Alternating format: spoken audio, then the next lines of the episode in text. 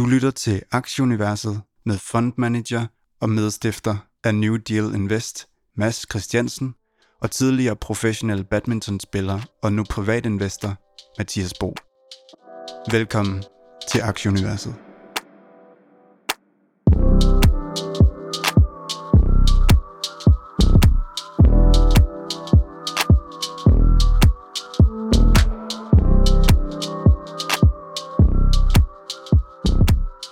Så er vi ved at være klar til en omgang Aktieuniverset igen.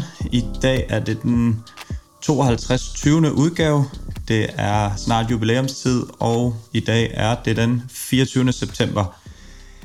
Det har været, øh, hvis vi sådan lige øh, starter lidt, øh, det har sgu været en rigtig sjov omgang for, øh, for mig det her. Det har været øh, lidt hårdt, også til tider at planlægge tingene med, med Mads, men jeg synes allermest, det har været en, en lærerig proces for mig at, at være i gang med det her univers, vi efterhånden har, øh, har fået skabt herinde, og jeg synes, jeg er super glad for alt den positive feedback, vi har fået. Det, det sætter vi stor, stor pris på, så, så tusind tak for det derude. Senest var det kære venner programmet Asbjørn, der, der lige tog sig tid til at skrive øh, et, et par søde ord til os i går, og øh, det bliver modtaget med kysshånd, så, øh, så tusind tak for det, Asbjørn og alle jer andre. Men måske vigtigst af alt, tusind tak for det community, som, øh, som I lytter har fået, fået skabt derude, øh, primært via vores uh, Twitter-konto. Og øh, det vil kun på sin plads at løfte sløret for, at, at vi også har lidt planer om at ekspandere en lille smule og, øh, og lave en, en Facebook-side, hvor vi, kan, hvor vi kan dele ting derinde og, øh, og forskellige temaer, sektorer og hvad der ellers er. Så, øhm, så det er noget, vi, vi prøver at, at sætte i søen inden så længe, så øh, vi tager selvfølgelig meget gerne mod øh, gode råd og feedback, og hvad I eventuelt kunne, kunne tillade eller øh, gerne vil, vil se mere af, og så vil vi så efter bedste ende prøve at ja, øh, gøre det så, så godt for alle som, som muligt. Hvad, øh, har du noget, du vil tilføje, Mads? Nej, jeg synes også, det har været en, en fantastisk rejse. Jeg synes, noget af det, som, som bare varmer mig allermest, det er de der beskeder om, at altså nu for eksempel Asbjørn, som, som har fået en god start på aktiemarkedet, og, og, øh, og bare er, er landet godt og kommet godt i gang, og i gang med den rigtige strategi og sådan noget. Det gør mig simpelthen bare så, så jublende glad øh, indvendigt. Jeg kan lige så tydeligt huske en, øh, under corona-epidemien, der var der en, en som, som smed et, et eller andet op på Facebook, at, at hun var lige startet med aktier, øh, og, og sådan to tredjedel ned i coronabunden, der, der skrev hun, nu smider hun håndklædet i ringen, aldrig mere aktier, og sådan en, en, en ung kvinde, og jeg, jeg var bare sådan, nej, nej, nej, det må du simpelthen ikke. Du har lige, du har lige gjort alt det rigtige, og du har næsten holdt ud, og sådan noget, og så, og så giver du op. Så det er bare så fedt, og det, det er jo virkelig noget af det, som kan, kan ændre, øh, ændre folks liv på sigt, at man får sparet op rigtigt. Det er virkelig noget, jeg har som en, en, en mission, at jeg rigtig gerne vil, at, at vi ændrer. Jeg synes, et af mine favoritprogrammer i den her sæson, det har virkelig været med Jannik Malik og, og Public. Øh, hele det der mindset omkring at, at skabe en community, som, som, som er fælles om at gøre det rigtigt, og fælles om at, at hjælpe hinanden. Så, så jeg, jeg er vildt lykkelig for, for det der det vi har fået, fået skabt og alt det positive. Og ja, jeg glæder mig også til at, at bygge på, på universet, og jeg håber virkelig, at, at folk endelig kommer med, med, nogle, øh, ja, med nogle gode idéer og med nogle indspark og, og sådan nogle ting. Og så synes jeg lige, vi skal tease for, for næste gang, fordi vi har fået, øh, vi har fået lovning fra øh, Seattle Dave om, at, at han vil være med i vores øh, første program, i øh, altså vores 53. 20. program. Øh, han var med i det allerførste program, så det var, det var meget passende, og han glæder sig rigtig meget til at, til at være med næste gang.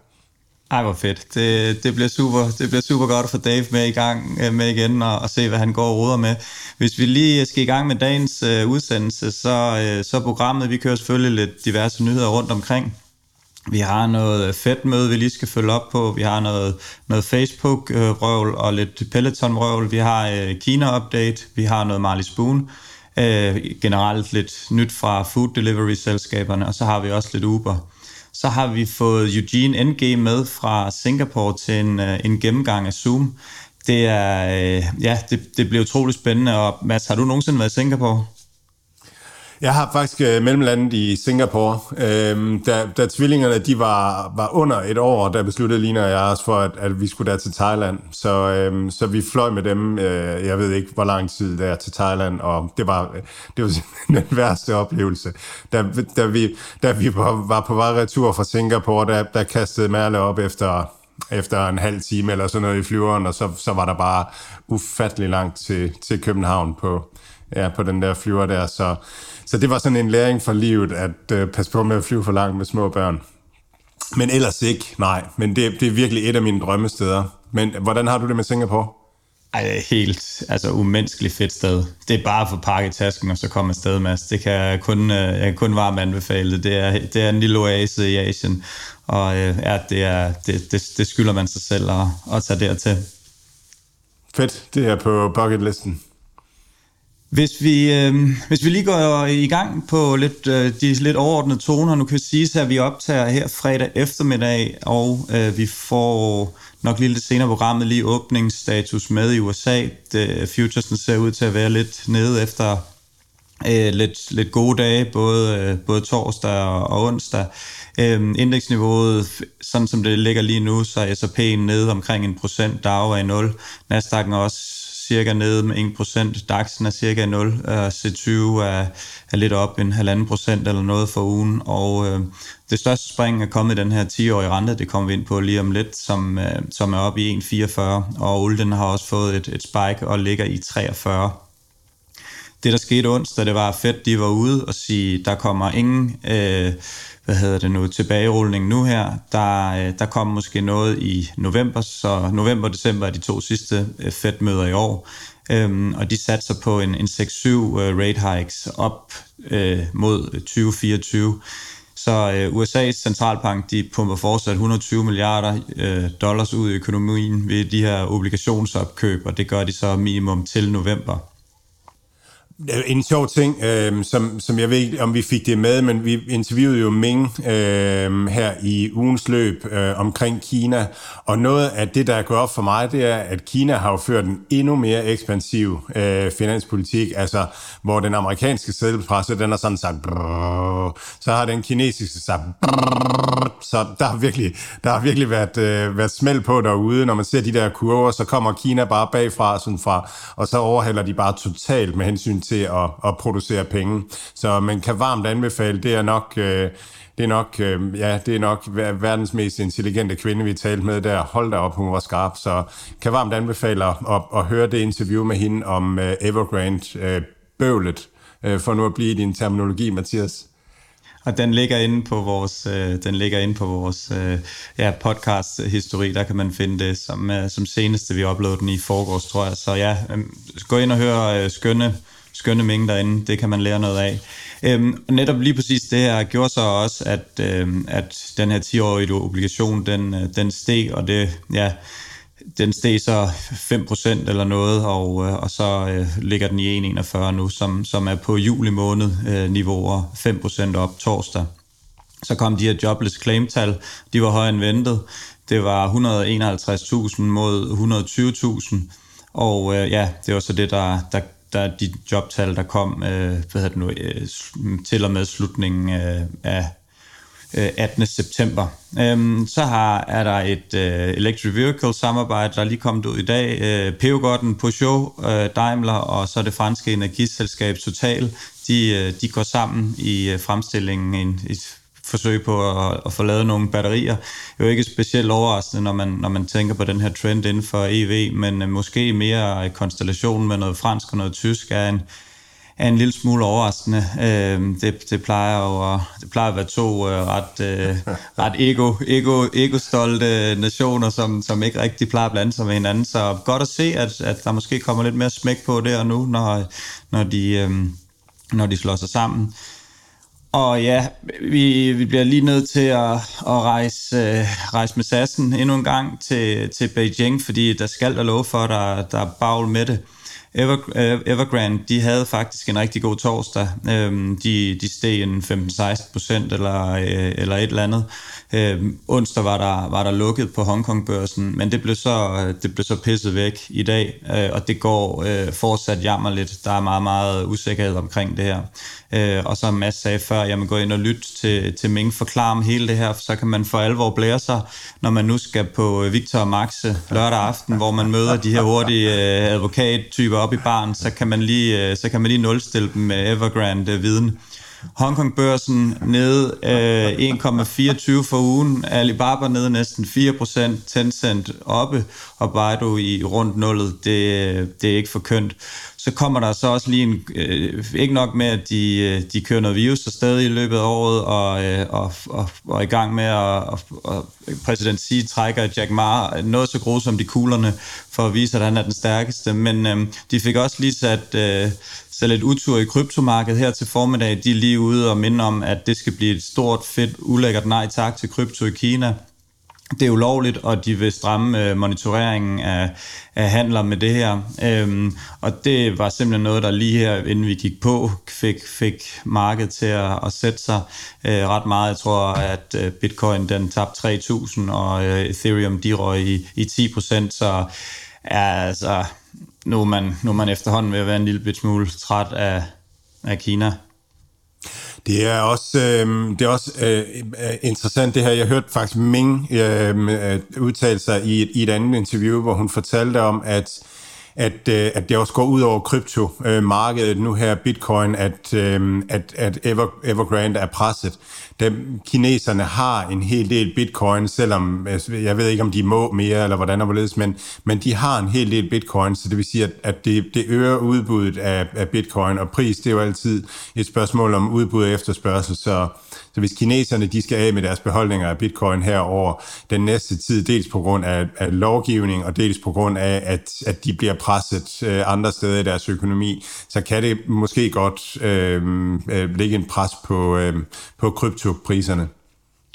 Du rammer hovedet på sømmet, Mads, fordi det er ikke, øh, det er ikke fordi, der er noget specielt øh, overraskende i, at, øh, at de vil prøve at styre en decentral valuta, når de prøver at centralisere alt andet og øh, præsident Xi han næsten vil tage hver eneste beslutning i hele landet, så det er netop fordi, at, at der findes rigtig mange kinesere, som ligger inde med store mængder af det her, og det kan måske sætte, øh, ja, sætte lidt gang i en lavine af, af folk, der enten bliver bustet i at have det, eller, eller i hvert fald handler mindre med det. Så, øhm, så det er fuldstændig ko, øh, korrekt. Men så kom der en spændende nyhed også, som jeg også har læst i dag. Øhm, det var, at øh, Jack Dorsey, Twitter-quarterbacken, han er ude og vil tilføje øh, tipping i BTC. Øhm, altså at for eksempel på Aktieunivers eller på min profil eller din profil, så kan man tilføje, at hvis du lægger en masse fede videoer op, og folk går ind og læser det og ser det, jamen så kan man lige tippe dig med det. Så den funktion vil han har han lovet at lægge på, så man kan tippe i bitcoin. Så, øh, så den måde, så, øh, ja, så er det muligt for, for folk at, at tjene lidt, lidt håndører på deres, øh, på deres online ting, hvis man øh, vil køre den vej. Hvis det vi, gør vi, øh, så, så skal det være sådan, man, man kun kan tippe hele bitcoins. Altså, så, så, er, det, så, er, det, så er det en eller nul bitcoin. Det, jeg synes, det er fedt at bare sige per dusin. Vi, vi, tager, vi går aldrig under et dusin bitcoin på universets profil. Det kan være helt stærkt. Det kunne være endnu mere blæret så at donere, så har man bare for mange penge og bare for vildt. øhm, så øh, Indien, de har til gengæld, øh, der er fart på. Det er også nogen, der, øh, der rigtig gerne vil, vil have centraliseret alle beslutninger. Det er også godt i gang med. De er bare lidt bedre til at skjule, end Kina er. Men øh, deres aktiemarked, de kører rigtig, rigtig godt. All time high, 2,7 procent op for ugen. Så, øh, så det er godt at være lang i, øh, i, i Indien, indtil videre i hvert fald. Der, øh, der er fart på derude. Så øh, spændende at holde øje med det. Hvad, øh, hvad har du haft kig på i løbet af ugen, Mads? Jamen, det har været sådan en, en, en uge, ligesom, ligesom altid er i virkeligheden. Der, der, jeg synes, der er nogle sjove nyheder, så, så nogle, nogle ting, jeg virkelig glæder mig til at dele. Den første, det, det er Facebook. Øh, de er sådan ude, og de, det, det er simpelthen Facebook-playbooken, det her. De er ude sådan at sige, det, det går altså ikke særlig godt. Altså, det, det her IDFA her, det gør det virkelig, virkelig svært, og annoncerne fungerer ikke særlig godt. Og det er sådan, det, sådan gør Facebook altid. Øhm, og jeg, jeg tror, det har noget at gøre med regulation og sådan nogle ting. Altså, hvis man hele tiden klynker og hele tiden sådan ligesom siger, vi er, vi er sikre på, at det kommer til at gå det her. Det kan godt være, at måske går det, og måske går det ikke. Og så, øhm, altså, så er det, det, det. Det er unlucky, det er unlucky Facebook og unlucky Bo, ikke? ja, det er præcis. Det er helt det samme princip. Og det, det går alligevel for Bo alligevel også. Så, men, men det er det, de gør. Øh, så nu er de ude og sige, at, at det er altså for svært, det her, og sådan noget. Jeg er ret sikker på, at de kommer til at smadre forventningerne alligevel, øh, når deres kvartalsregnskab går. Sådan går det næsten hver gang. Så det er, det er sådan helt efter playbooken. Øhm, så, så faldt jeg over nogle øh, over de her øh, computerspils øh, valuations. Jeg talte også om det i Millionærklubben, så jeg vil ikke gå så meget ind i det. Men basically så er det sådan, at de store øh, computerspils aktier, de handler til en, en PE på omkring 20. På nær Take-Two, den handler til en PE på omkring 30. Øhm, øh, Embracer Group handler til en, en PE forventet øh, for de næste 12 måneder på under 20. Og det er altså, jeg synes, det er ret billigt, fordi det er sådan en, en langsigtet, relativt sikker trend øh, at, at, at, at investere sig ind i. Synga handler også til en, en PE næste 12 måneder på under 20. Øhm, så jeg, jeg tror, det er, det er okay værd at kigge på. Jeg tror, Activision skal man passe på med. Og i det hele taget, hvis man vil have en, øh, høre en god snak om det her, så, har vi, så havde vi en podcast med, og hvad var det, han hed, for nylig, øh, som fortalte om, øh, om øh, computerspilsaktier, så det, det kan man finde frem. Øhm, så har vi, øhm, ja, så var Peloton ude, øh, og, og, og og, og Peloton har været svag i den her uge, og der går rygter i markedet om, at det er nogle jippet-data øh, omkring deres øh, løbebånd, at der ikke er så stor efterspørgsel på det. Yipit er sådan en, øh, en, en, en platform, som leverer alternativ data, i hvert fald til øh, investeringsindustrien. Så det, det er sådan de dyreste datapakker. Øh, og samtidig, hvis man ser sådan nogle bevægelser, som man ikke kan, rigtig kan forstå, de er der, jamen, så kan det være, at der er en Yipit-rapport ude, og det kan godt koste en million dollar eller flere millioner dollars at få adgang til sådan en, en Yipit-rapport. For eksempel, når Sea Limited kommer med rapport, så er der også... Øh, Øh, så er der også Jippet-rapporter ude, der forudsiger, hvad er salgstallene, og, og hvordan er det gået, og sådan nogle ting. Samler alle de her øh, data. Og det, det kan give fondene øh, en, en fordel. Og man skal bare som privat investor være klar over, at, at der er simpelthen der er mulighed for at vide noget mere, end, øh, end markedet ved lige der, vi havde, øh, da vi havde, hvad var det, vi havde, hvad var det gæsten hed? Vi havde, når det er også ligegyldigt, var inde og snakke om Peloton, der, der steg den jo fra, øh, fra omkring 8. september i 97 og var helt op i, i 117, og nu er den så bakket ned i 94 igen efter et, et par hårde uger der. Så øh, det er jo måske varmt, varmt territorie for dig, Mads, eller hvad? Ja, jeg kan, godt, jeg kan rigtig godt lide den her. Øhm, der, der var også en Wall Street artikel ude, Wall Street Journal artikel ude, netop omkring det her med løbebånd, og når man så går det lidt efter, altså så, så virker det en lille smule tyndt, og der er snak i markedet om, at det måske er nogle fonde, der er ude og, og, og plante de her nyheder og, og prøver at presse aktien nedad.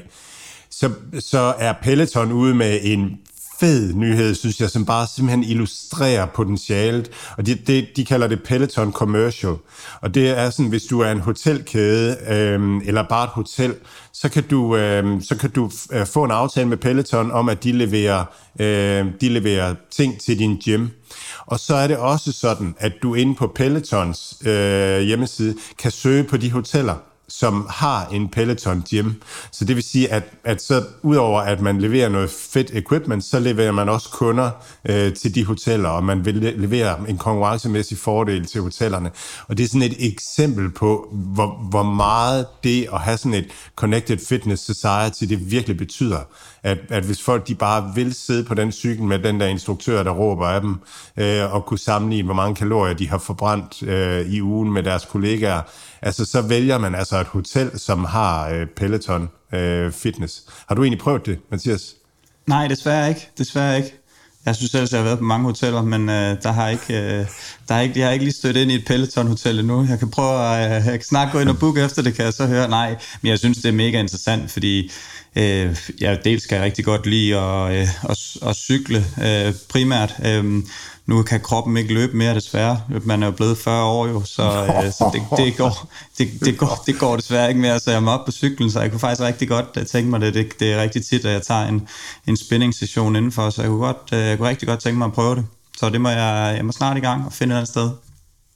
Cool. Men, og det var egentlig sådan, hvad jeg havde. Så, så startede ugen jo rigtig frygteligt med, med mand, der bare rigtig, rigtig langt ned, og så, og så, så har det sådan rettet sig. Og jeg synes måske, jeg har den der fornemmelse af, at, at de her mindre tech-aktier, at de klarer sig forholdsvis godt. De var lynhurtige ud af startboksen tirsdag, og det giver mig sådan håb om, at Flows måske øh, måske kan vende tilbage imod, øh, imod vores type aktier generelt. Og det er jo sådan også nu, at, øh, at Fair Greed Index er stadigvæk helt, helt vildt lavt. Jeg, har ikke lige tjekket i dag, men det har ligget omkring 21 til 27 og sådan noget. Og det, det tyder på, at der er rigtig mange, der er positioneret for, at vi skal nedad.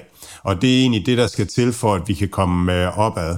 Så øh, ja. Og nu, nu kan jeg lige afsløre, at klokken den er blevet øh, 14.15.30, undskyld, dansk tid, og øh, markedet er lige kommet i gang. Nasdaq nede 0,63, Altså S&P 40 og DAO ned 30 procent. Så det ligner en dag, hvor vi skal have kæmpet os tilbage til 0, øh, og så vi kan få, få slettet den, som du snakkede om før, øh, helt forfærdelige mandag, hvor, øh, hvor Nasdaq sank mere end, end 3 procent. Så det ligner en dag, hvor der skal, hvor der skal arbejdes hårdt for at komme tilbage i nullet. Men øh, ja, lad os, øh, lad os push på derude, så vi kan, så vi kan komme tilbage. Øh, måske slut i aften på et, øh, et lille plus. Og så, øh, så synes jeg egentlig bare, at vi skal komme over og få øh, Eugene på og øh, snakke noget øh, Zoom med ham. Fedt.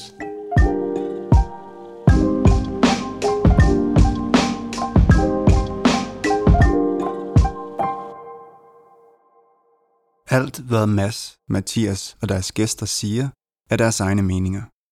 Det er ikke finansiel rådgivning. Denne podcast er udelukkende ment som information og skal ikke bruges til at lave beslutninger om investeringer. Mads, Mathias og kunder i New Deal Invest kan have positioner i de virksomheder, der tales om i podcasten. Okay, so uh, welcome uh, Eugene, and thanks for joining us here on our podcast. Thank you a lot, Mads and Matthias, for, for the invitation, and, and more than happy to, to join you guys. Yeah, it's I've been following you for quite a while on uh, on on Twitter, and um, uh, I, I, really love your your feed. And uh, I see you've uh, written a book called Vision Investing: How to Beat Wall Street, and you can too. And uh, we'll hear a little bit more about that uh, later on. So, what really caught my attention and and wanted me to have you on here was your um, you, you had some views on Zoom that I thought was really uh, insightful. So, um, so, so we're looking forward to to dig into Zoom with you and expand that a little bit into um, some some investment strategy. So, could you? Uh, yeah. So we all know Zoom, and uh, could you start by explaining how Zoom is uh, sort of becoming more than just video calls? Sure. Thanks a lot, Mass. I think if when we first started with Zoom, I think we really started off with Zoom meetings back in 20, 2019, uh, uh, prior, prior before the pandemic. I think that was the cornerstone and the core product. But with COVID, I think it really led to a drama, dramatic acceleration of moving from in-person meetings to working and communication online, which that really led to an exponential pull forward uh, in, in, Zoom's uh, overall user growth, usage of the platform, and correspondingly revenue growth and profitability. I think the way to think about Zoom, it's really just um, beyond just video calls, from what we all know. I think the way to think about Zoom is really as a video first unified communications platform that fundamentally really changes how people interact. I think they, they aim to connect people through frictionless and secure video, phone, chat, and content sharing, and really enabling face to face video experiences. I think in a single meeting across across disparate, disparate devices and locations. Uh, this cloud native is reliable, high quality, easy to use, manage and, de- and deploy, very scalable and easily integrates. I think the way to bottom line to put it is a platform or is a solution that just works when when in the past all our video solutions didn't really quite work. I think more importantly is really their core products now really extend far beyond video calls, i.e. Zoom meetings, they're now extending to Zoom Phone, which is what we call a cloud-based uh, PBX system. Now extending to also to Zoom Chat, Zoom Rooms, which is a which is software-based uh, conference room system, which enables users to experience Zoom meetings in their physical spaces. Uh, conference room connectors, Zoom video webinars now up to 50k attendees and 100 panelists at the same time. The Zoom developer platform, the Zoom app marketplace, which they also have also now a hundred million uh, fund to also fund fund that as well. And and more recently on Zoom, which is allowing people to create, to host, and to monetize online events. And lastly, of course, uh, Zoom hardware as a service. And of course, we have also the most recent acquisition of Five9 um, that basically adds contact service as a service. I think if you include all of that, Zoom is really just more. It's really just beyond video calls, and I think that's one way to really, um, you know, to start thinking about Zoom very differently. Yeah, you could actually think about Zoom as sort of becoming um, a, a, slow path into something like the metaverse, where we where we are together uh, in cyberspace online. Yes, indeed. I think it's probably one of the closest that we that we can have to experiencing each other know, be, be looking at each other, talking to each other, and, and really feeling, feeling all of it. I think that's is probably one of the closest towards the metaverse at, this stage, right? Because right now, any of the other metaverse you're playing on your phone, um, you you're looking at you're looking at something right now. I don't think we're, we're there yet, but I think as of as of right now, it's probably the closest to to right seeing each other uh, face by face, face to face. Eugene, there we're talking a lot about these two segments, upmarket and, and online businesses. Uh, can you just tell us a little bit about these segments? Sure. I think the way to think about Zoom is when it first started, um, it, it, had it, it splits into a lot. It splits into people who the hosts that first come in. The hosts that come in really started off with either as small business and enterprises, what we call SMBs, and then started with enterprises.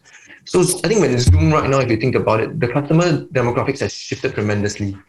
Right now, about 64% of the um, of the revenues actually come from customers that have more than 10 employees, about 35% come from 1 to 10 employees. And, and what happens is that the majority of the revenues, 83% of them actually come from um, customers that are of business licenses. The way to think about it is it's really thinking about enterprise businesses versus what we call your traditional small business businesses or even individuals. And in, in the upmarket enterprise business, it's really not just not just meetings. It's really basically upselling them to phone and to other other products. And the way to think about it is in the most recent quarter, the enterprise or what we call the non-online business in which you need uh, sales, enterprise sales to basically sell it on a non-online basis to reach out to the enterprises, they're actually growing at two times the pace of at 77% of the online segment, uh, which is and, and that's at 36%. And a very, very interesting um, metric to think about is that the net dollar retention of online is actually less than 100%. Now, the net dollar retention of Zoom overall is 130, is greater than 130%, which means the enterprise's retention rate is actually significantly higher than 130% which is no surprise. So if you look at, at RPO, right, we, um, and RPO actually grew faster than plus 66% than revenues in the most recent quarter at 54%. All in all, I think it really boils down to a very interesting shift. And it's really the enterprise customers and the upmarket customers that is really driving the investment thesis for Zoom, that's driving the profitability for Zoom in terms of revenues, uh, versus versus the, the large number of customers that, that is coming on online and and and, and low low um, low low term in terms of revenues an opportunity. And I think, of course, on the online space as well, a very impo- important thing is that there's also churn as well. Churn, churn is a uh, is a big thing, and I think that that's always the big the bigger thing. Whereas for enterprises, they tend to be stickier, um, and I think that that's a very interesting space. And I can you can see from the revenue growth, it has sparked up a fair bit, and it's now trying to normalize around fifty percent. So I think it will be very very interesting to watch this space. And I think the thesis for Zoom should be one that of of, of enterprise driving uh, the majority of, of the growth going forward. Yeah, so um, just for our listeners, so SME is um, small medium uh, enterprises. So we have these, um, we have we have the the business segment, the up market, and then we have the online segment. You could sort of say that the online is is a little bit like uh, a free to play or something. It's it's cheap and for uh, it's free or it's um, it's cheap, and then then uh, the users become sellers uh, to their companies that that people want to um, or that that they recommend for for their business. So the upmarket is is for bigger businesses. But let's start look at um, at at the upmarket and um, and could you talk about sort of the competitive advantages of of Zoom for businesses with the phone and with the meeting room and and and these uh, things and maybe compared to um, to I think we think uh, legacy video communications like Facebook, Microsoft, Google is um, is um, competitors, and then we have tel- telcos uh, that are sort of legacy um, um telecom providers. And then maybe what, what there could be in future competition, I'm thinking maybe Snap and, and Oculus. So could you uh, take us uh, through that? Yes. I think for competitive advantages wise, I think the first to really think about it for Zoom is that Zoom really the way to think about it is really not informal. It's informal versus formal communications.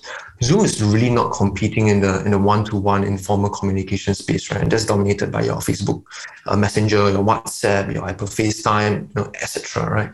I think this is a space. This is the space where no individuals really want to pay to use and individuals typically want it to be free.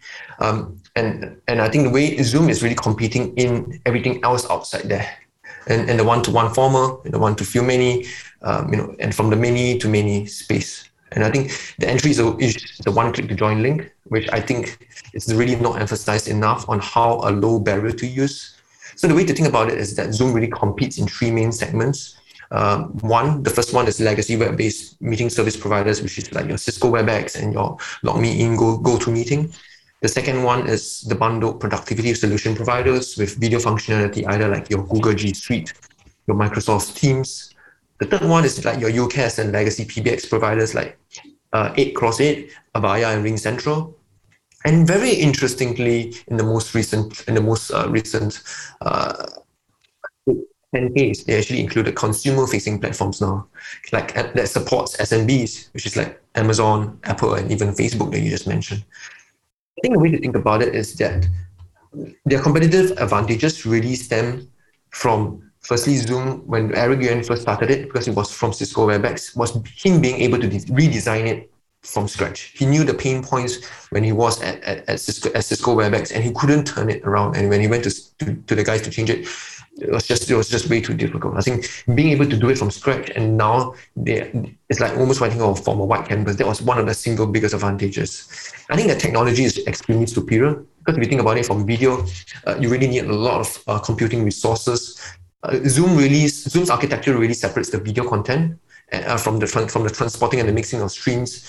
And I think you can see that superiorness in terms of getting it able to scale up to so many participants and still be able to allow Zoom to, to, to deliver the content globally. I think that's extremely important.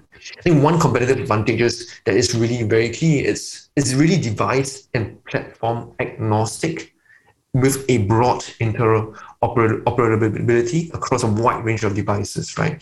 That, that, that running, for example, Windows, Mac, iOS, Android, and stuff um, different operating systems and also open to third-party applications and integrations like your Atlassian, Dropbox, Google, Microsoft, Salesforce, and Slack.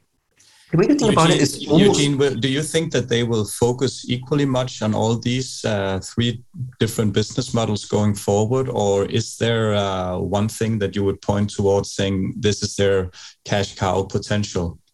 Hmm. Very interesting question. I think the, the way to think about it is I think they will start off with meetings first and then move off to, to, to Zoom Phone because they know that Zoom Phone it, it is where you're upselling it. So I think the way it's probably the entry product for meetings, upselling it to Zoom Phone, and then and then further upselling to other products. I think trying to sell it as a UCaaS UCaaS kind of product, uh, as a communications product to the enterprises, that would be I would I would say the, the big the biggest shift and, and, and how, how it would be. So I think that that will be from that, from that. And I think using that as a cash cow, really driving all the other new initiatives like events, um, moving on to, to, to like um, cost contact centers as a service. I think it is so much um, growth possibilities around there. Why would you say that? You say they have a technical advantage. Uh, um, why why would you, why would you say it would be difficult for some of their competitors? Um, I'm, I'm thinking uh, Microsoft and uh, Google to to sort of do the same thing.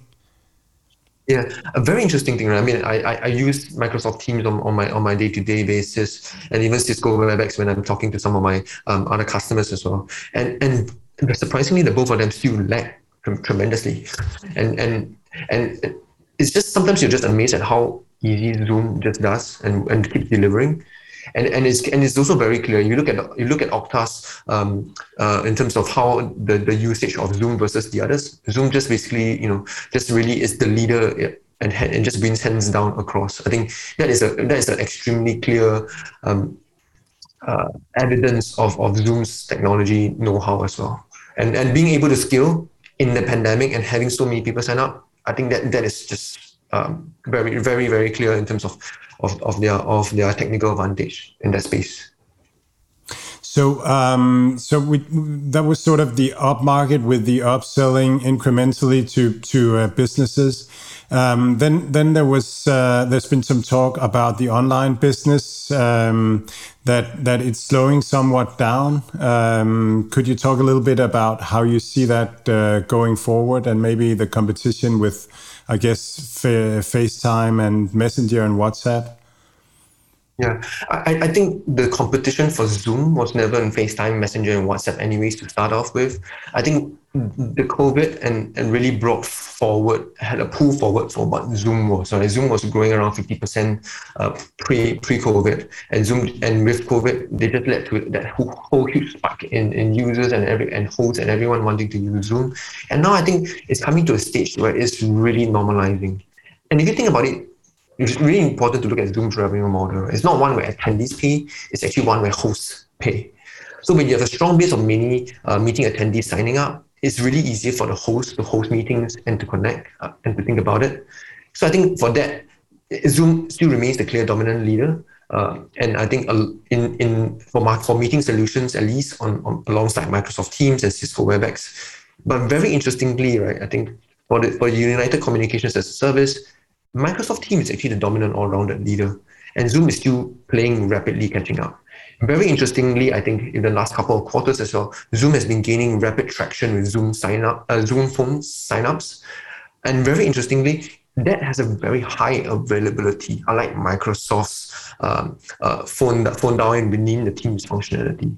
I think where I will look out for in terms of, of Zoom's build out will be really more of the functionality build out, the upcoming traction and the customer feedback. I don't think in terms of competition, there will be a winners takes most or, or winners takes all. Microsoft has a very strong uh, incumbent alongside its enterprise, where a lot of the enterprises will still keep using treats in Office 365, and then Microsoft Teams is just a natural addition to it. I think it would be very interesting to see more enterprises starting to adopt uh, with Zoom phones and, and with enterprises not having the, the, the, actual phone itself.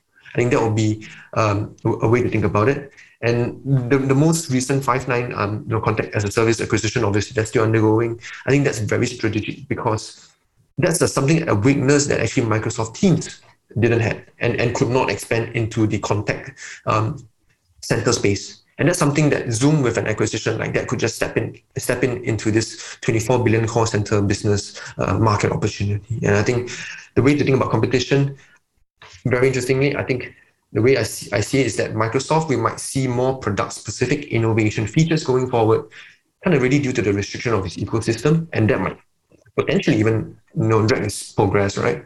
For Zoom, I see it as more of a vertical, horizontal expansion of these core offerings increasing stickiness for meeting with phones, hopefully with chat and to other verticals like events, call center, call center, call center etc. Right? And and Five9, what what what what is that? What the acquisition of Five9? What's what Five9 for a, a, type of company? What do they bring to the Zoom uh, uh, business? Yeah, so Five9 basically helps to do a contact service uh, uh, center as, as as as a service and I think because of that communications service, I think that's that's very crucial in terms of, of Zoom, right? Because with, with adding adding the whole contact center, that's now Zoom Zoom's Zoom's addressable market is not just to people who just want to have meetings. With contact centers, you're now talking about people who want to have communications. Uh, they're, it's like basically they're forced to have communications, right? With contact center, and that now with the with the acquisition actually drives a whole new I'll say a whole new vertical towards Zoom, and Zoom can can can, bring Five9 in, and that continue to drive, I would say, greater uh, progress in terms of the other products. I think that will be a very very interesting uh, acquisition and a very very strategic one. As I mentioned just now, given that uh, Microsoft, for example, uh, has that weakness in that space.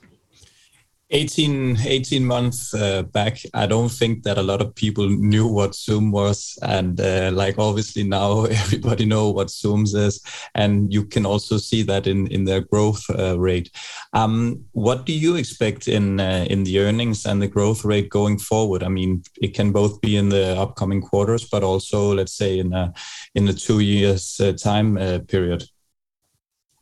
Yeah, you know, you asked a very interesting question because I invested in Zoom actually back in 2019, wow. uh, way before, even way before before that, right? Uh, but I think the way to think about it is that I think with Zoom, it's really about the, the growth, the growth going forward, and and the way I see it, if you look, if you look at how the, the, the growth is really normalizing, I mean, we have we have obviously, you know, very high year on year effects because because it was just growing tremendously, and the and the last quarter they're probably growing around uh, 50, 54, 55 percent ish in terms of re- revenue growth.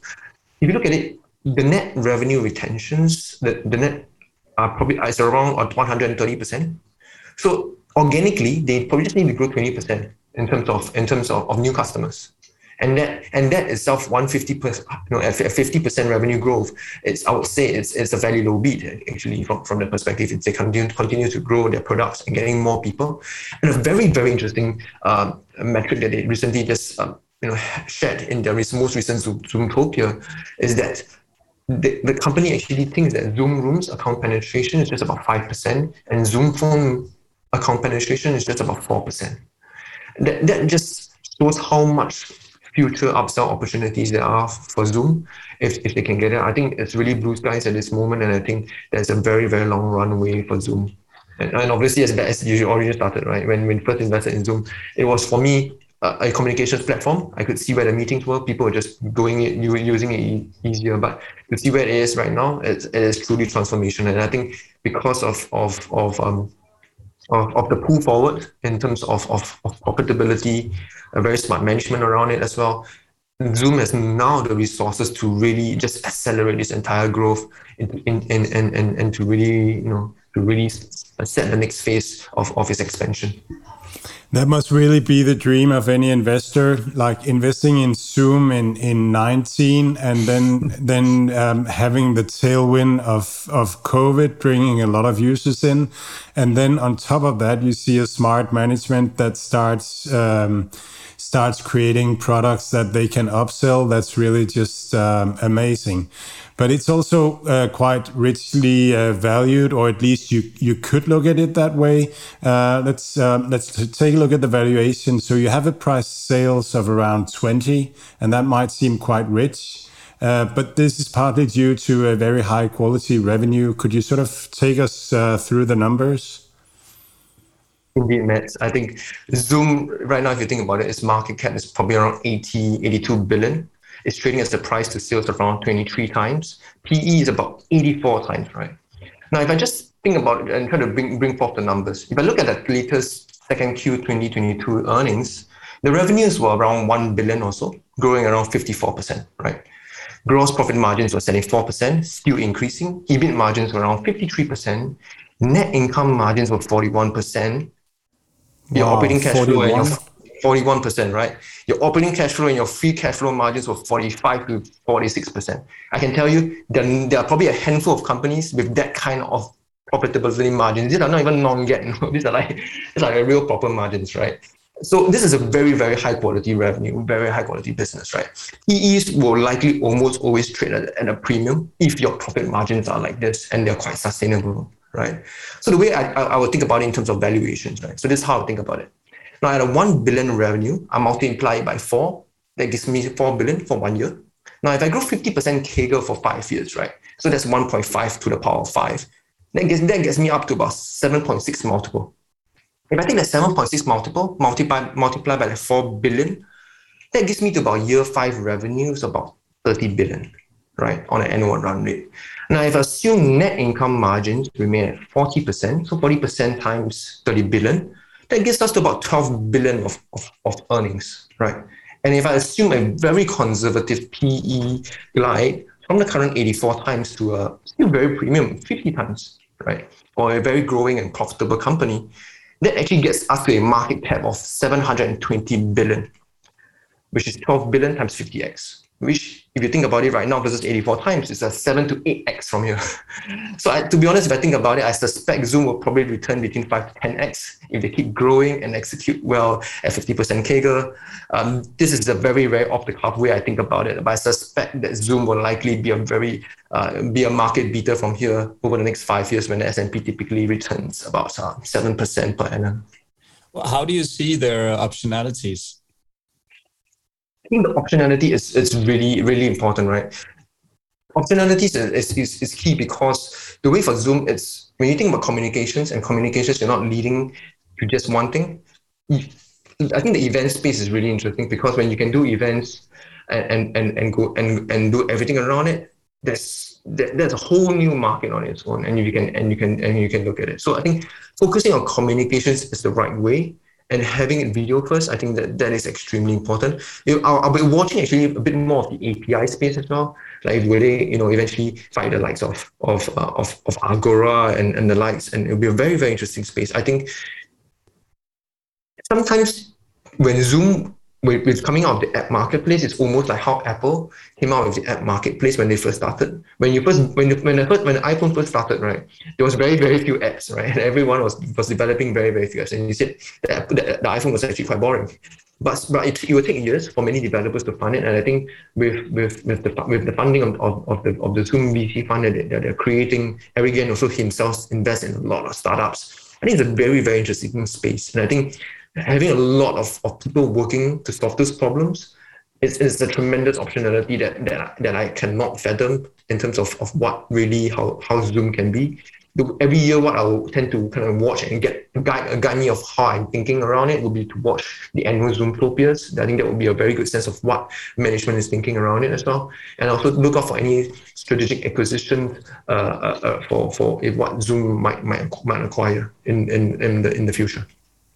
Yeah, so if you think about um, the iPhone as a place that that we sort of are together, and and that's that the app space is built around that, and then now you have a video place that we can be together, and and there can be a an, another app uh, space that that just makes you dizzy when thinking about the the potential TAM. Um, I was curious, are there any specific things that you'll be monitoring in the future? Are there are there any things that will sort of um, make you sell? Um, uh, things to be um, to be worried about, to look out for? Yeah, I, I think the way I think about it is I will I want to watch where the um, the licenses for the Zoom phone continue to increase. They have already um, sold 2 million licenses for Zoom phone. I want that number to continue to increase as well. I think very importantly, I want the um, year-on-year revenue growth rates, especially starting to normalize. Hopefully, you can still continue to grow at, I would say, around between 40 to 60% year on year on, on that. I'll watch for any quarter on quarter consecutive quarter and quarter deceleration in revenues because what happens is tend to be cohort based. So the the the, year on year revenues should ideally increase on quarter to quarter, and also they're trying to convert more of the revenues from from from the quarterly base to more uh, from annual base to more quarterly base. So I think you would see a bit more smoothing out in terms of the revenues. So I'll watch for any I'll watch for multiple quarters of uh, quarter-on-quarter deceleration in terms of revenues, very decelerating in terms of revenue growth. If it starts going towards um, the, the low 10% uh, year-on-year, uh, retention rate starts starts starts dropping tremendously from the 130% down to you know 110, 105. I, I would be significantly worried. If retention rates are going to be at, at 130%, I think Zoom can continue to expand and grow at 104, at, at 40, 50% ish uh, in, in terms of, of revenue growth. That is probably a very, very low bar for them. Um, in terms of what I've been monitoring, so especially um, acquisitions, there's been some noise around the Five9 acquisition. I'm I'm do hoping that it can it can pull through. Um, I think acquisitions and especially also uh, by watching Zoomtopia, it really gives a bit of the product features and roadmap and really think how to guide about guide my thinking about how big Zoom can be and what share of the market it can be and that ultimately trans- translates into future right? future growth right because when you're investing in a company it's really about the future and, and the growth that, that that that is that is our focus. So, um, uh, Eugene, you, you tweet a, a, a, lot, and I, I really, um, um, yeah, I, I really like to um, to follow you. And you have this. Um, there was a tweet where you talked about a concept of fair price, and that only the future fair price matters. Um, I think it's interesting because it seems so obvious, but still made me think a lot. So, could you sort of explain this concept? Yeah, I think when it comes to intrinsic values, I tend I tend to prefer not to think in current intrinsic values, which is the present value of now versus the current stock price. But I prefer to think about it really in future intrinsic values, i.e., future values versus the future stock price, which is just not how I ran through in terms of the of the Zoom valuation. So I generally always tend to, tend to think about it really to be thinking in future values not present values. Because I think when we're taught in schools and in traditional finance, typically with discounted cash flow models, right? We always just think of present values, the discounting of future cash flows, which is also why I don't do any more DCF um, models. I think the way to think about it is because our minds can't phantom future values, and we are not really not really trained to think about long-term durable growth and have the imagination of what it can be, right? The thinking of, of how I have is really almost, I would say, venture capital like or VC like. Uh, so to give an example, right, most of my companies that I invest in almost always seem overvalued in present metrics in terms of PE, uh, PS, uh, price to sales, price to free cash flow metrics, right? But it's almost like must-have criteria for me. Like they're not overvalued. Um, you know, there's something must be wrong. And but often for me, when I'm investing right now at current prices, they seem really cheap in what the future state is. And I think that's where very few investors actually think about that, and that allows me to compete in a game where I think most uh, where, where most don't. Eugene, I, I I understood what you just said, but obviously I, I have to ask if if we, we our listeners uh, sitting there and, and finding Zoom uh, interesting uh, and and want to invest in it, current levels about uh, what is it two 250 or so uh, yeah 270 and uh, and when it topped out in uh, in October 2020 it was in in 560 or so. Um, so of course it's been uh, it's been on a roller coaster down. How do you see it now? Would you if you didn't own the stock uh, would you buy it in this level or would you just sit on your hands for a little bit and and wait? Yeah, maybe I can comment about just in terms of the, of the drop in prices, right? Now, the mm. drop in prices, you think about it, because Zoom had very, experienced very rapid revenue growth, and, and as revenue growth starts to come down, just because of base effects, 50, growing at 50, 60%, it, it's, it's still actually very, very high, if, even prior. I think the way to really be thinking about it is year-on-year effects is just going to be low because they were high in the, in the, in the prior basis, right? And I suspect actually, in, if you look at it from a broad market standpoint, a lot of the companies who had very who were suffering not the non-tech companies right who were suffering very badly had, had actually very low base effects actually not and not not high base effects like what zoom had.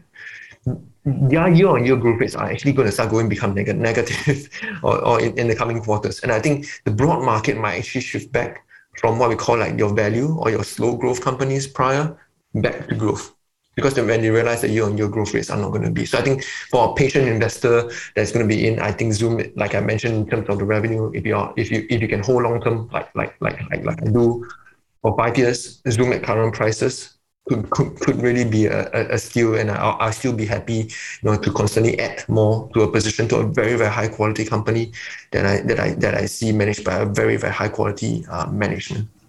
Yeah, so it's probably a question of when the market starts to taking the long, um, the long view on it. Um, so it, that's hard to to predict, I guess.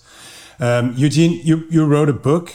Uh, it's called Vision Investing: How We Beat Wall Street, and you can too. Um, I'd like to ask you what you think the FinTwitter community edge can be over Wall Street, or just um, just um, investors not from from big organizations. Uh, how can we what can our edge be? I think i think the edge of an of, a, of the individual private investor uh, has has has a significant edge over over the institutional investor. One is that it's really the permanence of capital. Capital can be which if you truly have it, you can you can hold it for very long and in very concentrated positions and as you like it. I think that's that's the that's the single biggest thing, and I think in institutions when you're managing capital, most of the time, people tend to give you money when mar- when when markets are extremely high, so you're forced to buy high. And then when markets come off during the sell off, they tend to be liquidating their positions. They want they want to get out, and they are forced you to sell. So what happens? You sell low. That fundamentally structurally causes most institutional fund managers to underperform. And, and, and that's a, a structural disadvantage that we have. Whereas for us as individuals, um, when I when I wrote my book, it was really to have a statistical statistical um, driven approach to really talk about swing all possible odds of success in investing in our favor. I think as the fintech community, what we have is really firstly to invest long term. If you if you're investing right now on, on a single day, a coin toss, it's probably around 50, 51%, then you might actually have a winner. Whereas if you're investing for 10 years out, that, that probability of, of winning goes to 80%. If you're investing for 20 years, you have a 100% chance of not losing money. I think being able to invest long term really, really is extremely key. And, and again, 1% of all the companies generate about 50% of all the returns and 0.5% of all the companies uh, generate about, about 50% of all the global, global market returns. Now, if you think about it, you really need to be fishing in that small pond. You cannot be fishing in the big pond, right? I would say 99% of the companies, you know, you're not, you're not, shouldn't, shouldn't be even investing in the first place. When you try to focus all your efforts in that, and I think together as a community, we, we, we know what what's what some of this winners you have but of course you have to be also be able to to differentiate from the noise uh, and, and I think that that is our truly biggest advantage, right? And to also be, you know, be long. Don't be don't be trading around the positions. If you're trading around the positions and if you miss the, the some of the best days, you will significantly underperform. So I don't I don't trade at all. My positions I just buy and just hold them. And also when you hold them, the, the, the most beautiful bit about just buying and holding stocks is really you have limited downside. Just 100%. But the good thing is that when you buy really great companies, the upside is truly unlimited. And I think really uh, my investing approach is about really finding multi-baggers. You're finding the ones that they're just 5, 10, 20, 50x, 100x. When that when that when that happens, is that your gains from all your winners will far exceed all the losses from your losers, and that's really how you outperform and beat the market. And I think as as Fin side, it's good to see that there's been a growing community of, of people who are investing longer term, uh, and, and and you can see by their performance they have also shared. And I think it's, it's great to it's great to have been able to build uh, you know a, a good community. So I think uh, I think it's, it's, it's, it's, an edge that we have over Wall Street, which structurally uh, that, that always seems to always impede them. It's uh, it's so interesting to hear Eugene. That's also what we're trying to preach and and tell our listeners that you need to be long term. Like if you do day trading or swing trading or something, the chance of you losing is much bigger. But if you just like buy some solid stocks in whatever sector you prefer or have some kind of edge or knowledge about, and then put it in the drawer and then look at it ten years uh, down the road, then you would most likely have earned on money. So so I'm really glad to hear uh, these wise words coming from you also, so uh, the listeners uh, knowing that it's not just Mads and me who are making up stuff.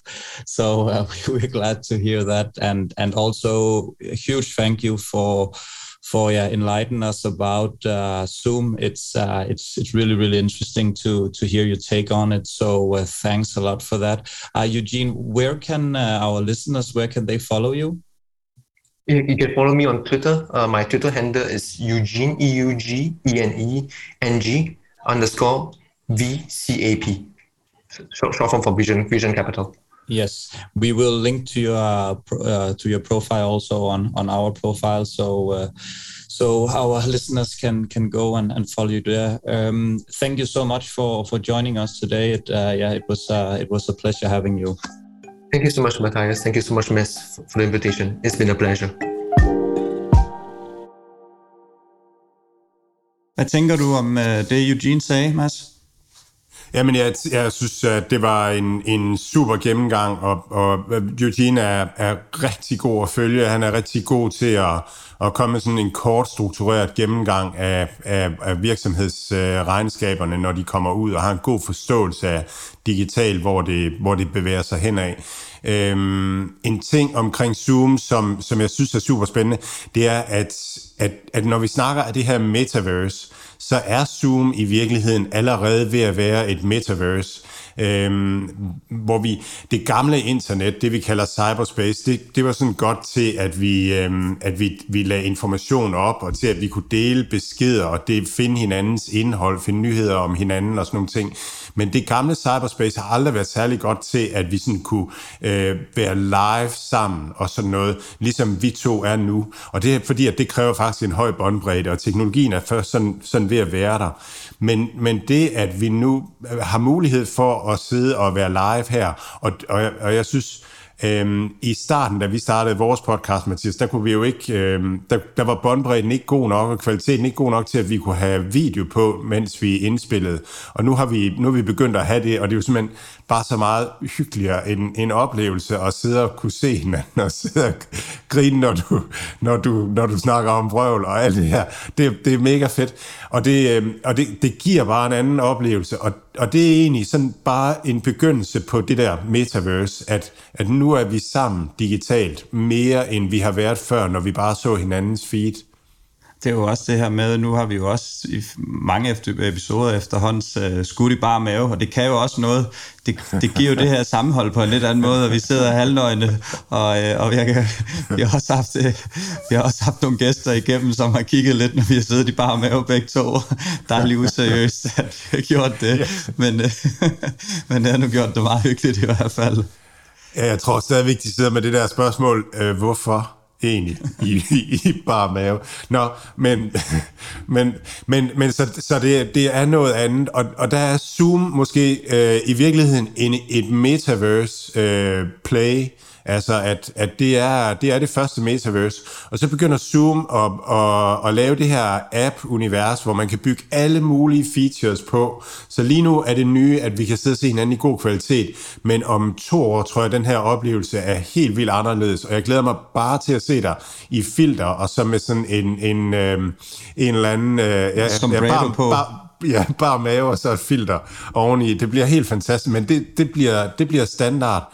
Og så og så bygger Zoom altså også det her metaverse, den her metaverse-oplevelse for virksomheder. Øh, og det tror jeg virkelig er, er noget, der kan blive en fantastisk forretning øh, fremadrettet.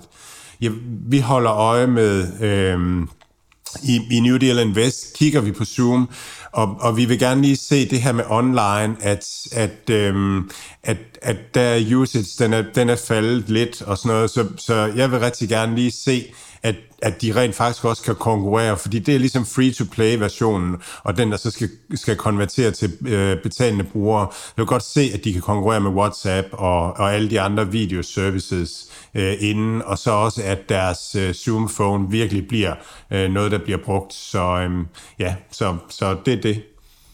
Den har i hvert fald haft det lidt svært aktien, kan man sige, siden øh, starten af, af august, hvor den var omkring 400, nu den i, i 272 eller noget, så der, der er i hvert fald, øh, der er i hvert fald råd en, en lille smule nedad.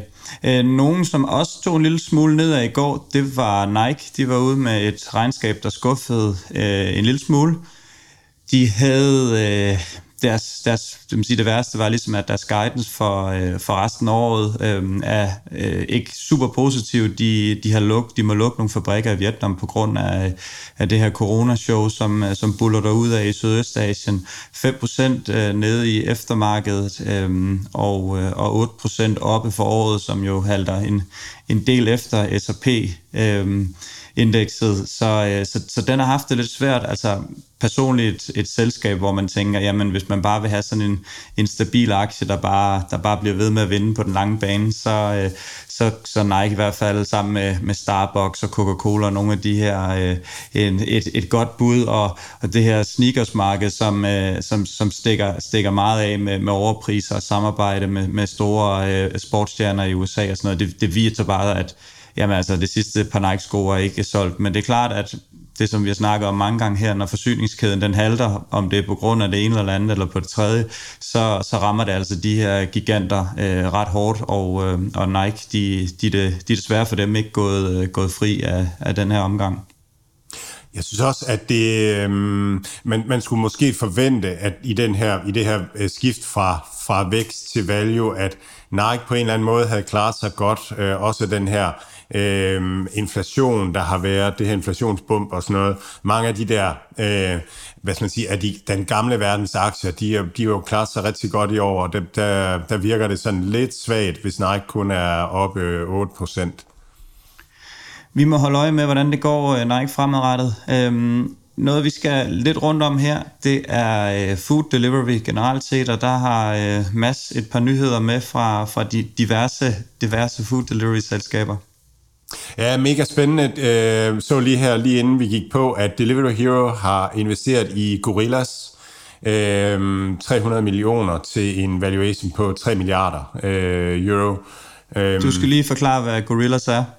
Ja, ja. Gorillas er, er sådan en, øhm, en online... Øhm, nej, en, en, en, en, øh, en supermarkedsvareleverandør. Altså, så Gorillas er startet i København, og, og, øhm, og det vil sige, at, at man nogle steder i København, der kan man handle ind via sin app, og så kommer der en Gorillas øh, øh, leverandør med, med varerne inden for 10 minutter. Så, og det er også det her Space øh, Delivery Hero er ret aggressiv i, med, og det kræver, at man bygger de her dark stores, som er små supermarkeder, der ligger tæt på kunderne, og så kan kunderne øh, bestille varerne, og så kommer der en cyklerne med, med varerne. Og der er Gorillas har været en enorm aggressiv øh, startup, og der flyder virkelig mange penge ind i det her space her. DoorDash har investeret i en virksomhed, der hedder Flink, som jeg først lige har hørt om nu. Men det er faktisk fuldstændig det samme som Gorillas, og både Gorillas og Flink, det er tyske øh, startups. Øh, så, så på den måde kommer DoorDash ind i Europa nu øh, via, øh, via den her investering i Flink. Det er jo en strategi, som Delivery Hero har haft længe. Delivery Hero har, øhm, altså har investeret i, i, øhm, i food delivery startups rigtig mange steder, øhm, blandt andet i Latinamerika, også i indiske Zomato og, og sådan nogle ting, og har, har gjort det fantastisk med, med, med de investeringer. Og de nye, de rejste jo penge her for nylig, og, og, og, og det har jo været, formentlig været til sådan noget her. Og man kan sige, øh, de har jo virkelig fornemmelsen af, hvad der sker derude i verden. Så, så på den måde synes jeg, at det virker trygt, at man ansætter Niklas Østberg til at investere i, øh, i food delivery øh, spacet. Og så bare en, en tanke, det er, at okay, det, det virker som om, at det her, det er virkeligt. Altså, det her, det sker. Gorillas har over 100 af de her dark stores, og, og Delivery Hero nærmer sig, jeg vil tro, de ligger omkring 600 nu og sådan noget, så det sker. Det vil sige, at fremtidens supermarked, det ligger på vores mobiltelefon, og så får vi varerne leveret hjemme ved os, altså eller nemlig, øh, og sådan nogle ting. Så det, øh, det synes jeg er, er mega spændende. Og så, øh, jamen, så er der nyheder ude fra øh, Goldman, eller Goldman Sachs har holdt sådan en event, og, og der har Uber også været ude og, øh, og, og præsentere, og de præsenterer, at, at de nu kommer til at have være break-even formentlig i Q3, og så køre med overskud i Q4. Jeg har en lille, lille uh, fact men jeg, jeg bruger Uber en del i, i Dubai. Nu har jeg lige været i Frankrig nogle dage. Det fungerer fuldstændig upåklageligt. Dubai er det helt magnifikt de kæmper rigtig meget med det i Indien. Øhm, chaufførerne, man, man får ikke, når man bestiller en Uber-bil, så ved chaufføren ikke, hvor man skal hen på forkanten, så de kan ikke sige ja eller nej, fordi de siger, men vi gider ikke køre to timer. Det er lidt ligesom i et del af deres system, at det er privat, og det bliver først bliver op, øh, oplyst, hvor man skal hen, når man sætter sig ind i bilen. I Indien, der, øh, der i Hyderabad, hvor jeg var og, og træne, der, der fungerede Uber ikke. Der, øh, de, de accepterede turen, og så, øh, så skete der ikke noget. Så efter fem minutter, hvis man skrev eller ringede til dem, så skriver de, hvor, hvor skal du hen? Jamen, øh, jeg skal til lufthavnen. Hvis de ringede, jamen, okay, vi aflyser turen. Øh, så prøver man igen, og så laver de det samme. De accepterer turen, så går der fem minutter uden der sker noget, og så ringer de og spørger, hvor man skal hen. Fordi nogle gange, så for eksempel i Hyderabad, der, der ligger lufthavnen 40 km fra, fra byen, og der har de ikke råd til at have så meget benzin på til at køre sådan en lang tur, så der afbestiller de dem. Så der er sådan nogle specielle ture, som er, øh, som er problem for dem. og nu her faktisk også i, øh, i lufthavnen i Mumbai, hvor, hvor det ellers har fungeret, fungeret upåklageligt. Der skal jeg til lufthavnen en morgen, og det er cirka en 8 km tur for, hvor vi bor. Om morgenen er der ikke noget trafik, så det tager et kvarter at køre. Øhm, og der, ringer, der, der gør vi det igen. Bestiller en Uber, de tager turen. Der går et øjeblik, så ringer de og siger, hvor skal I hen? Jamen, vi skal til lufthavnen. Og så siger de, ja, ja, vi kommer, og så afbestiller de turen. Det skete fire gange i streg. Så de har helt bestemt i Indien et stort problem, som har faktisk spredt sig fra, fra Hyderabad, og så nu også i Mumbai, hvor det ellers har fungeret upåklageligt, udover det er nærmest, altså det, jeg ved ikke, om man kan kalde det biler, de kører i, men det er så, det er så en anden, en, det er så en anden side, det er så en anden side at sige. Det er i bedste tilfælde en, en rigtig smadret Wagoner, en, en Suzuki. Så, øhm, så jeg må tage en, jeg må tage en tuk-tuk til lufthavnen, øhm, så det, det var til, til stor modskab for, for flere mennesker, da jeg, da jeg lander i Mumbai øh, lufthavn for en, en tuk-tuk. Mathias, er det ellers, er det din default, at når du kommer til et nyt sted i verden, så tjekker du, om de har Uber, og hvis de har Uber, så bruger du det? Ja, altså nu har man jo lidt erfaring med det, fordi de, de fleste steder, jeg kommer ind, har jo været før, så jeg ved, at det virker.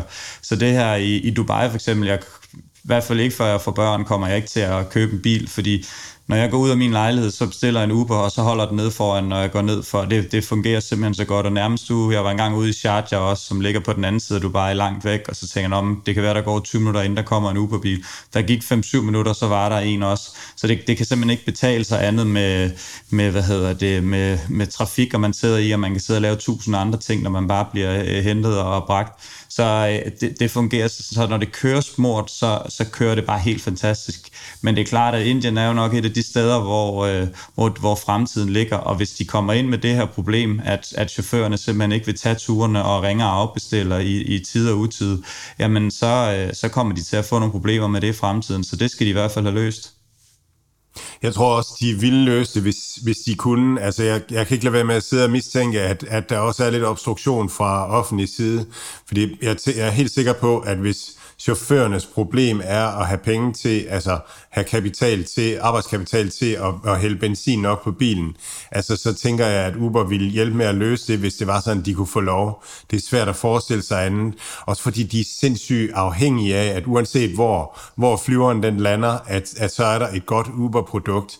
Det er netop deres konkurrencemæssige fordel, at, at de har sådan et brand, der virker overalt i verden, så man overhovedet ikke tænker over, om, om, om Uber dur eller ej. Men det er jo netop også lige præcis det, at, at som jeg påpeger problemet, og, og det er jo, mm. Indien er jo et af de lande, hvor de virkelig skal rykke til, og hvor man kan sige, øh, ja, manuel arbejdskraft er i hvert fald ikke et problem. De kan signe tusindvis og tusindvis af chauffører op til at, til at køre deres biler, men, øh, men hvis det ligesom er, der er gået enten politik i den, som du siger, eller af en anden grund, at de kan vælge at vrage mellem turene, så, så de gør det her og skader deres produkt, så du lige pludselig ikke længere ved, jamen, øh, du, det er helt sikkert ikke inden for tre minutter, de er der, eller ligesom i Dubai, hvor, hvor der går to minutter, så er de der, men der kan nemt gå 20 minutter, så begynder det at være uholdbart, fordi hvis jeg skal være i lufthavnen, så kan jeg ikke være afhængig af, at tre Uber-chauffører, de aflyser min, min tur, eller hvis jeg har et møde, så, øhm, så på den måde, så, så, så er det virkelig ustabilt, øhm, i hvert fald sådan som det er lige nu, så øh, det var bare lige en, en observation fra den, øh, fra den virkelige verden. Øhm, Mads, så, så bliver du kendt, til... kendt som ham med Vesterlændingen, der, der altid øh, kører dødsræs i øh, tuk-tuk på vej til lufthavnen i bar mave. ja, de, de, de, klar, de er klar fint dødsræse selv, vil jeg sige. Der sidder man altså bare med foldet hænder og beder til, at man ikke bliver plaffet ned af en eller anden, men, men sjovt nok, så sker der ikke så mange ulykker, selvom man tænker, det er det. Det er jo også den største turistattraktion i Indien, det er, det er altså trafikken. Øhm, men, men, men ride-hailing ved Uber, det er simpelthen den mest fantastiske forretning. Fordi Uber, de har bare en app, og så er der nogen, der kører, og nogen, der, der bliver kørt, og så tager man bare en skat på det. Så, øhm, så det er en genial forretning, øhm, som ikke koster ret meget at drive, og de har det her brand, som simpelthen gør, at, at folk de stoler på Uber alle mulige steder i verden, måske lige på nær i Indien. Og det er en fantastisk forretning. Så Uber er mega interessant som virksomhed, og de får også en konkurrencemæssig fordel i og med, at, at de driver, de har, det, det, altså man skal jo tiltrække både både kunder og driver. Og driverne kan man tilbyde en rigtig god øh, deal, fordi når der ikke er kunder, der skal køres i bilerne, så kan man tilbyde, at de kan køre med pizzaer, og man er også begyndt med pakker og konkurrere med Amazon og FedEx og sådan nogle ting. Så så kan de også køre med pakker, og det gør bare, at man kan sørge for, at driveren altid tjener godt, når de er på Ubers platform. Så det giver nogle konkurrencemæssige fordele.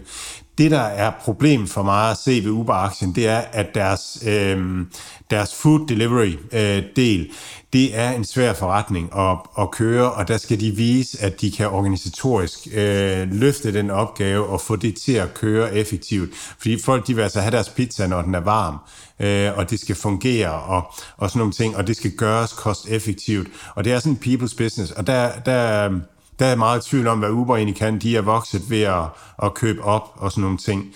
Men det er et spændende tid lige nu med Uber, netop fordi de begynder at, at, at give overskud. Og de er, koster det samme, som de kostede dengang, at, at, de, øh, at de gik på børsen. Det er lige de der 45 dollar eller sådan et eller andet.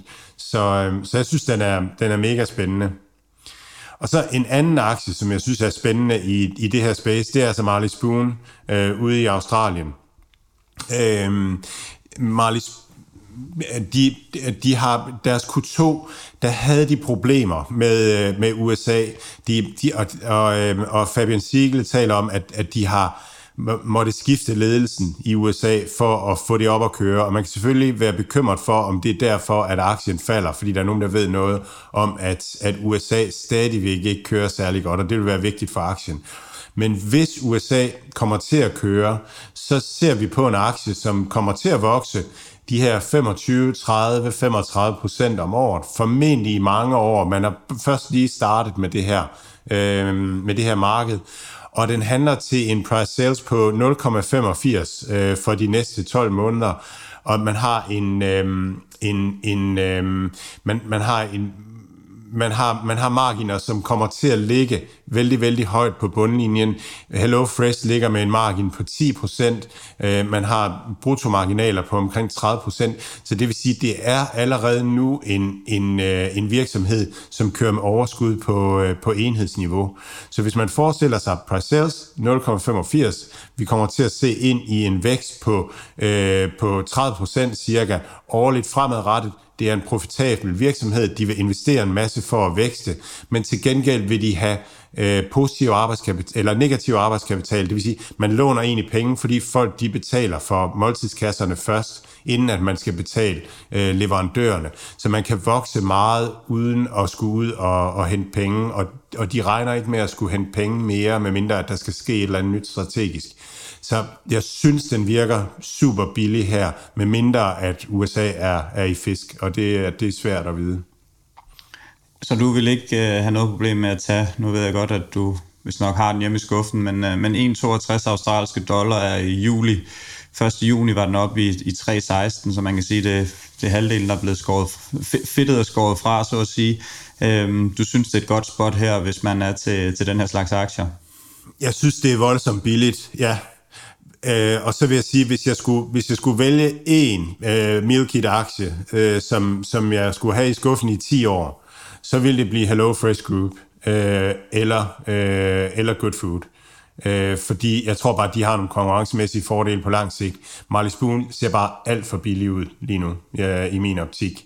Så øh, ja, super spændende det er jo, det er jo godt at se, at, at øh, eller det ved jeg ikke, om godt at se, men, øh, men Hello Fresh kan jeg huske, at det er jo ikke så lang tid siden, at den ikke sådan for alvor var på din, på din radar, men, men du har været, du blev meget imponeret over deres, deres måde at køre tingene på, eller hvad? Kan du lige prøve at sætte på ord på, fordi det er jo ikke, i hvert fald i de sidste, spoler tiden en 6-8 måneder tilbage, så er det jo ikke sådan en, du sådan, ja, kom lige så meget rundt om, som, som nogle af de andre. Hvad er det, der har imponeret dig ved den?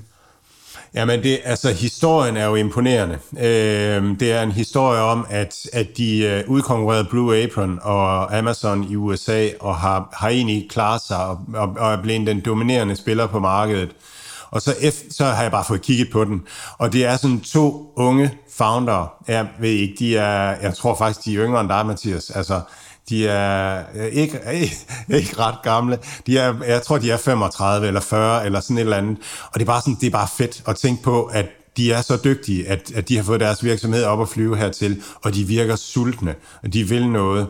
Og så har de den her eksperimenterende tilgang, som, som vi altid taler om, at så prøver de noget af i Benelux, øh, der prøver de at lægge nogle, øh, lægge noget, nogle ekstra varer i kasserne så har de købt en øh, virksomhed i USA, som laver færdige meal, øh, færdige, færdiglavede måltider, og så kan man jo øh, krydssælge det, øh, sådan at, at man også kan levere det på Hello Fresh Group, og, og på den anden virksomhed kan man levere øh, øh, meal kits øh, nu, så man kan sådan krydssælge og, og, og udvide så talte vi med dem og spurgte til det, til det skandinaviske marked, og øhm, hvor, de, hvor de også er kommet ind, og, og der, øhm, der, var der, der er der en, øhm, en virksomhed i forvejen, øh, hedder den L, LMG Group, tror jeg den hedder, eller LK, øh, et eller andet. Men der er, det er en svensk, den er børsnoteret, den svensker, og, øh, og de, de kørte kun med kasser til fire personer.